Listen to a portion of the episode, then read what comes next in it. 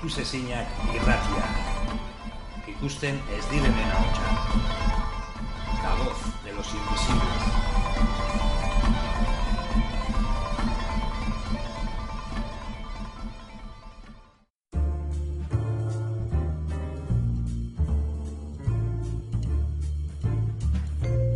Hoy nos visita Josian de la Asociación Equincha Vive de Rentería. Desde hace siete años ponen todo su empeño en ayudar a personas que caen en procesos de ludopatía. Con él hablaremos de la asociación, de los procesos de ayuda que llevan adelante, en definitiva, de la rehabilitación de esta enfermedad y de otras adicciones psicológicas que nos acompañan en nuestro entorno.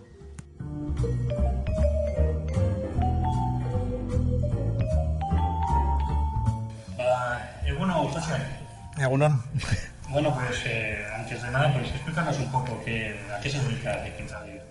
Bueno, Quincha Vive es una asociación que se dedica básica, básicamente a, a la rehabilitación de personas con trastornos de juego y todas las eh, enfermedades psicológicas alrededor de, de las dependencias eh, sin sustancia compra compulsiva, adicciones al sexo, pero mayoritariamente nos dedicamos eh, sobre todo a la ludopatía, al trastorno de juego, es lo que la mayoría de, de las personas que vienen a la asociación padecen.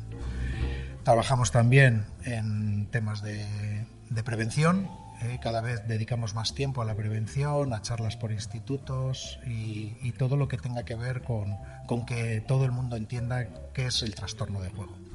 Y por curiosidad, ¿a qué se debe el nombre? Pues eh, Quincha Vive lo tenemos heredado. Eh, esto empezó hace 28 años con unas damas salesianas y entonces se llamaba Equincha da Salud. Eh, ellas eh, vieron en, en Vizcaya Equincha Alubiz y a partir de ahí, aprendiendo un poco de lo que hacían allí, se trasladó aquí. Y ellos cogieron ese, ese nombre, Equincha da Salud, que eran damas salesianas, joder, sí. Eh, ¿Qué es una ludopatía? ¿Cuándo, ¿Cuándo, se puede decir que comienza una ludopatía? Pues pro probablemente en el momento en el que empiezas a perder cierto control. Eh, es muy difícil, la mayoría de la gente piensa que es por cantidad de dinero gastado y así, pero eh, muchas veces responde más a cantidad de esfuerzo dedicado con tus propias posibilidades. Una persona que gana mil euros, si se, gana, si se gasta 300 euros al mes, ya está teniendo un problema, ya eh, está fuera de lo que es razonable. Todo lo que se sale de lo razonable ya indica un camino hacia la ludopatía. Es cierto que la mayoría de la gente cuando llega y, busca ayuda o le hacen buscar ayuda, es porque ya ha generado muchísimos más problemas y ha llegado más a fondo. Pero los problemas empiezan cuando existe una falta de control eh, de impulsos a la hora de, de, saber cómo ordenar tu vida en relación al juego y pasa a ser lo fundamental en vez de lo accesorio. Pero ahora en esta época que se hace todo por internet, eh, el problema se ha escondido ahora entre cuatro paredes. Sí, hay una parte importante que es otra vez más oscura todavía. Si el juego siempre ha sido oscuro, eh, ahora eh, la gente puede hacerlo dentro de su casa. Sí que es cierto que sorprendentemente eh, las estadísticas al final nos dicen que la mayoría de la gente sigue jugando en presencial eh, y a los mismos juegos de siempre, aunque con distintos formatos. Las máquinas siguen formando parte todavía muy importante de, del juego. Lo que pasa es que antes solo eran las tragaperras de bar, las que todos conocíamos, y ahora pues está la ruleta electrónica, es decir, ese tipo de máquinas mucho más sofisticadas que generan además muchísima más adicción más rápido. Eh, tienen muchísimo más... Eh, mucho más agarre hacia las personas porque se oscila mucho entre lo que ganas, lo que pierdes, lo que ganas, lo que pierdes y eso hace que se genere muy pronto eh, problemas. La juventud está teniendo muchos problemas con la ruleta por ese sentido. Y luego también están las apuestas deportivas, que eso también avanza mucho y ahí sí que se da eh, un nicho de, de, de, gente que lo hace desde, desde el móvil o, o desde Internet directamente. Ahí sí que ha aumentado un poco más el uso de Internet pero sorprendentemente todavía la gente sigue yendo mucho al presencial. Los locales de juego sí, todavía... Los locales de juego, eh, ¿qué, ¿qué, problemas están trayendo? Porque quieras eso también es un espacio cerrado. Mm. Es un espacio oscuro, uh -huh. un espacio con la intimidad suficiente como para que la ludopatía... sí. Sí, la gente, eh, cualquier persona que haya jugado en un salón de juegos hace 10 años y ahora probablemente haya visto cómo ha sufrido unas obras que ha hecho que su techo bajara, que las ventanas se oscurecieran y que no exista un reloj dentro de un salón de juego. Todo eso es para que, eh, y tiene mucho que ver con lo que se hace en los casinos en Estados Unidos, para que la gente pierda la noción del tiempo. Cuanto más tiempo estás ahí dentro, más, eh, más gasto haces de alguna manera. Y la proliferación de salones de juego es verdad que ha venido a agravar muchísimo el problema, porque eso es un lugar eh, que además utiliza todas las técnicas de marketing para atraer a la gente, con consumiciones más baratas, eh, invitaciones, etcétera, etcétera, que al final hacen que la gente, pues eso, aparentemente se sienta cómoda, se sienta reconocida, eh, somos un poco VIPs, eh, nos sentimos bien ahí en ese entorno y a partir de ahí pues rebajamos muchas de las defensas que tenemos. cómo está la ley que ordena todo este tipo de establecimientos? Bueno, ahora seguimos avanzando muy poco a poco. esto algo, es algo que siempre hemos dicho. el gobierno vasco tiene muy buenas intenciones ahora, intenta poner parches y límites a todo esto con la ordenación del juego, pero hay que recordar que ellos fueron los que abrieron la puerta al gallinero, dieron todos los permisos y los han concedido. A partir de ahí, ahora en octubre en principio se sale la ley que, que va a hacer que todo el mundo se tenga que acreditar para entrar en los salones de juego eh, y en, en todos los locales cosa que nosotros agradecemos y llevábamos mucho tiempo pidiendo pero todavía falta que lo hagan dentro de la hostelería. Eh, las máquinas están fuera en la hostelería y en la hostelería no, va a hacer falta de momento identificarse, con lo cual pues el grupo de menores me imagino que se trasladará a todos los que estaban haciendo eh, su juego dentro de, los salones de juego, puede que se trasladen directamente a, hostelería otra vez. ¿no? Habían salido de la hostelería, fueron a los locales de juego y ahora probablemente tengan que volver a salir bares. Sí, sí, sí, teóricamente sí, pero es más fácil. Eh, todos sabemos que es más fácil en un bar hacer ese tipo de cosas. Probablemente, probablemente ahora tendrán que volverán a tener que asumir una función que tendría que asumir el, gobierno, ¿no? que es el control de, las cosas. Y además nosotros llevamos mucho tiempo diciendo que quizá no fuera tan difícil eh, que lo mismo que para la máquina del tabaco tengan que, ponerse en funcionamiento, que cualquiera de nosotros tenga que acreditarse para, para jugar a una máquina. Eh, ahora los lectores de DNI cuestan 14 euros y en una máquina no costaría mucho más que el poder tener que, decir que eres mayor de edad.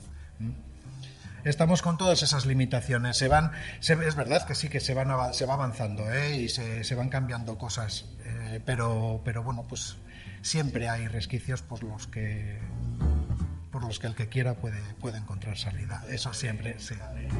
Sí, sí, sí, todas las trampas. Sí, pero es verdad que ya tienes que ponerte a hacer trampas, ¿no? Ese, ese es eh, la gente que, que, eso es, por lo menos limitas el acceso a muchísima gente que no se le ocurre, que tiene que eh, entrar en otras vías para, para jugar, ¿no?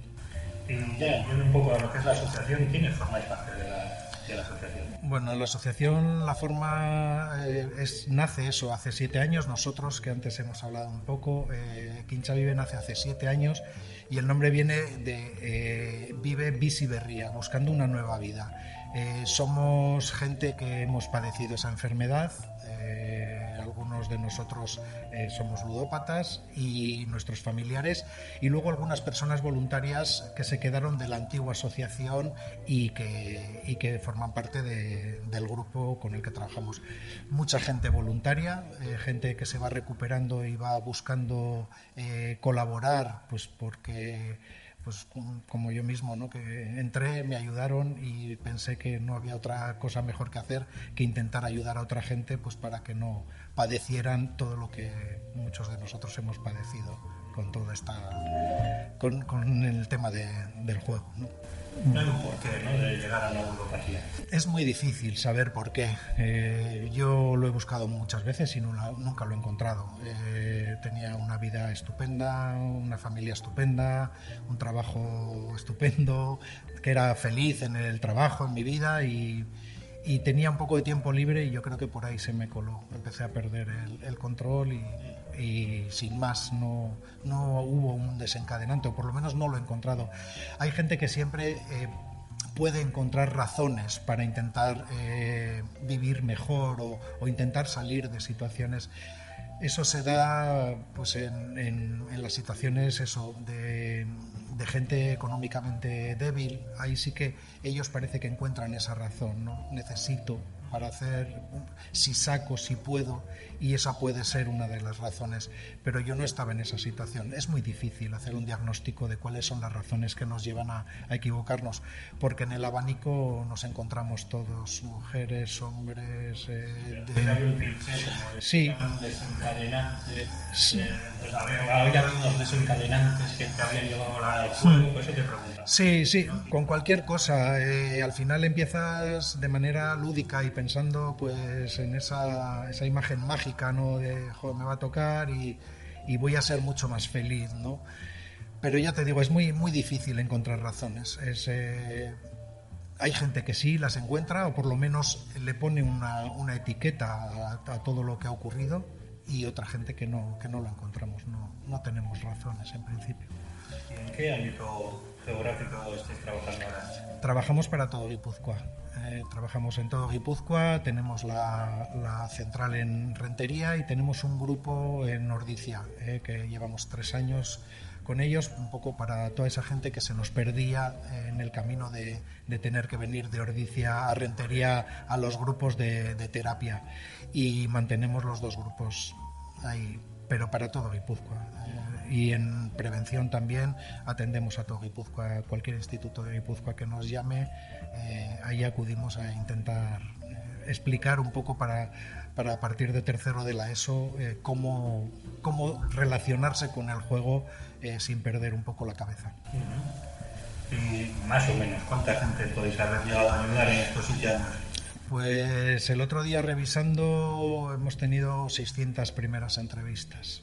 Eh, que es un número muy, muy importante.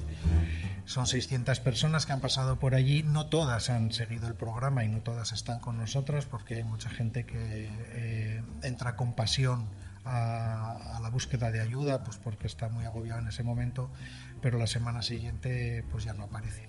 Esto, como en todas las adicciones, eh, necesita de fidelidad al programa y al, ordenarte y al dedicarle un rato semanal a, mantenerte bien y hay mucha gente que no, que no lo hace. Pero sí, hemos tenido 600 eh, entrevistas en estos siete años. Y eso que hemos tenido la pandemia por medio, que rebajó mucho lo que en general suele entrar cada año. Sí, sí, porque esto, estuvimos cerrados, como no podía ser de otra manera, y luego ha costado mucho arrancar y que la gente eh, volviera de alguna manera a lo presencial y sí, ha sido una época difícil en ese sentido. ¿Y cómo es eh, el día a día de la asociación? ¿Actividades Bueno, en general, básicamente, además del trabajo que hacen las psicólogas a nivel individual, que ellas sí que bueno, tienen eh, sus horarios, eh, tenemos, ellas son profesionales y yo tengo también una parte profesional en, en, cuanto a la, a la prevención. Eh, dedicamos el tiempo sobre todo, sobre todo a lo que es la atención a las primeras llamadas, eh, a informar a la gente que, que, nos llama pidiendo ayuda, a las familias que llaman desesperadas. Esa es una parte muy importante del trabajo que hacemos. Primeras entrevistas, como te decía, pues donde intentamos explicar qué es lo que podemos hacer y cómo lo hacemos para que la gente se sienta cómoda y pueda estar, eh, entienda que aquello puede ser un sitio donde cambiar su vida. Y luego dedicamos tiempo a la terapia tanto de familias como, como de pacientes. Hacemos todos los días, de, bueno, de lunes a jueves. Los viernes no hacemos porque la gente no, no, acudía al final. El viernes ya es fin de semana y no debe ser día para curarse, no lo, no lo sé muy bien. Pero estamos de lunes a jueves y todas las tardes tenemos eh, grupos de, de, autoayuda para familias y para pacientes. Eh, a eso le dedicamos gran parte del tiempo. Y luego pues toda la parte administrativa que nos lleva mucho tiempo también. ¿eh? es la dedicación de Bea, la, la, psicóloga que a la vez hace también toda esa tarea de, de, intentar sacar dinero para mantener la asociación abierta, que también nos cuesta bastante. ¿Y las intervenciones las, ¿Las fijáis con fases o fases concretas o...? Cada caso es... Sí que es cierto que eh, el, el, conocimiento nos, nos, va diciendo que hay eh, fases que la gente tiene que pasar, eh, desde el reconocimiento de, de, la enfermedad, no el saber que tienes un problema, que eso casi todos lo sabemos antes de entrar, pero el reconocimiento de, de la enfermedad, el reconocimiento de que es algo superior a nosotros y que va a estar por encima nuestro durante toda nuestra vida, aunque luego al tiempo ya no nos afecte, pero eso, pues como el alcoholismo o la adicción a las drogas, saber que, que está ahí es, es muy importante. Eh, es muy importante, pues eso, entender que, que, que no somos infalibles y, y, eso es muy costoso también en las personas pensar que, hemos sido fallidos eh, también hace falta para, para poder seguir avanzando y, por último eso el, darnos cuenta de que, de que al final todo esto es, es un periodo de tiempo de nuestra vida que, luego tenemos que mantener. Y esa parte, esa tercera parte, a ratos es la que más nos cuesta. La de entender que, que, esto hay que mantenerlo y que hay que cuidar el jardín, lo mismo que lo hemos cuidado mientras jugábamos, para intentar protegerlo, tenemos que proteger este otro que además es muchísimo más valioso. Mm. Y a nivel de, no podemos llamar éxito o sí, pero bueno, la balanza, ¿cómo está? Mayoritariamente yo voy a decir que sí, yo soy muy optimista. Es verdad que, como te decía, hay mucha gente que ni empieza el programa o lo empieza y en muy poco tiempo termina. Tenemos mucha recaída dentro del proceso, yo creo que como en todo el proceso de adicciones, eh, hay mucha gente que a los cuatro meses ya considera que está bien y se autoda el alta y, y desaparece y vuelve pues al año con más problemas. Entonces, tenemos muchas situaciones de esas pero también es cierto que la mayoría de la gente que, que, está, que es constante, que va semanalmente, que escucha, que intenta aprender eh, de, todas esas cosas que compartimos entre todos, sale mucha gente adelante, mucha, mucha gente adelante. Eh, yo hice mi programa hace nueve años y medio y de toda aquella gente eh, mantengo relación con, con, bastantes de ellos, o por lo menos eh, tengo contacto, y nos va muy bien la vida. Eh, éramos un grupo de, andábamos entre los 12, 15 personas, y muchos de nosotros estamos muy, muy bien. De otros no sabemos, no sabemos nada, hace tiempo que no, que no sabemos nada, pero, pero sí, sí, mucha gente salimos para adelante. Y ya terminando, eh, pues si alguna institución no llega oír, ¿Cómo financiáis el tema de la financiación? Pues todo en base a subvenciones. Eh, trabajamos mucho y bueno, siempre hemos agradecido mucho a, a, Rentería porque es la que es verdad que nos soporta eh, de alguna manera, nos cede el local desde hace eh, 25 años a las damas salesianas y nos lo cedió a nosotros incluso antes de, de ser asociación. Y nos ayudan económicamente en lo que buenamente pueden. Diputación también subvenciona, aunque yo creo que no lo suficiente. Yo creo que eh, nos cuesta mucho hacer entender a Diputación que somos importantes también eh, y, siempre andamos muy justos con las subvenciones de Diputación. Eh, nos cuesta muchísimo, además, justificar muchas cosas porque bueno, este año estamos intentando justificar por proyectos eh, el grupo de, de, mujeres, tenemos un grupo específico de mujeres de apoyo, eh, tenemos un grupo de recaídas para, para gente que lleva muchos años de, proceso de, juego, tenemos un montón de, cosas que, hacemos y, y, estamos intentando justificarlo por ahí para ver si de alguna manera entienden que, que hacemos muchísimas más cosas. Piensan que seguimos siendo solo una asociación pequeñita que está ahí y nos subvenciona muy poquito.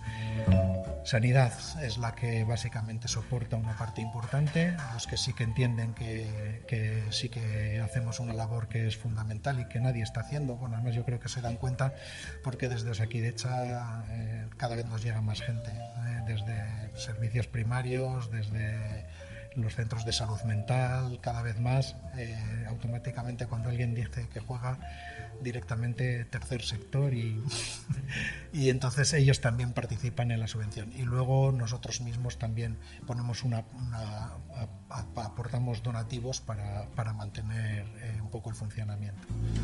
Eso es lo que, lo que tenemos. El Ayuntamiento Ordicia nos cede el local y poco más tenemos. La verdad es que no hay muchas más cosas que gobierno vasco también colabora en alguna parte y y, bueno, pues con la pelea me imagino que como todas las, las asociaciones. Mucho papel, mucho justificar, mucho decir y, bueno, pues ahí intentamos seguir luchando.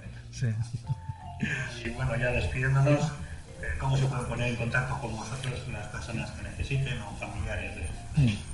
Bueno, eh, nosotros eso, como he dicho, estamos en, en Rentería, tenemos un local en, a la Verga 59 y tenemos un número de teléfono eh, al que atendemos por las tardes. Eh, con contestador automático siempre respondemos, podemos tardar un poco más, un poco menos, pero siempre respondemos y es el 943 34 02 02.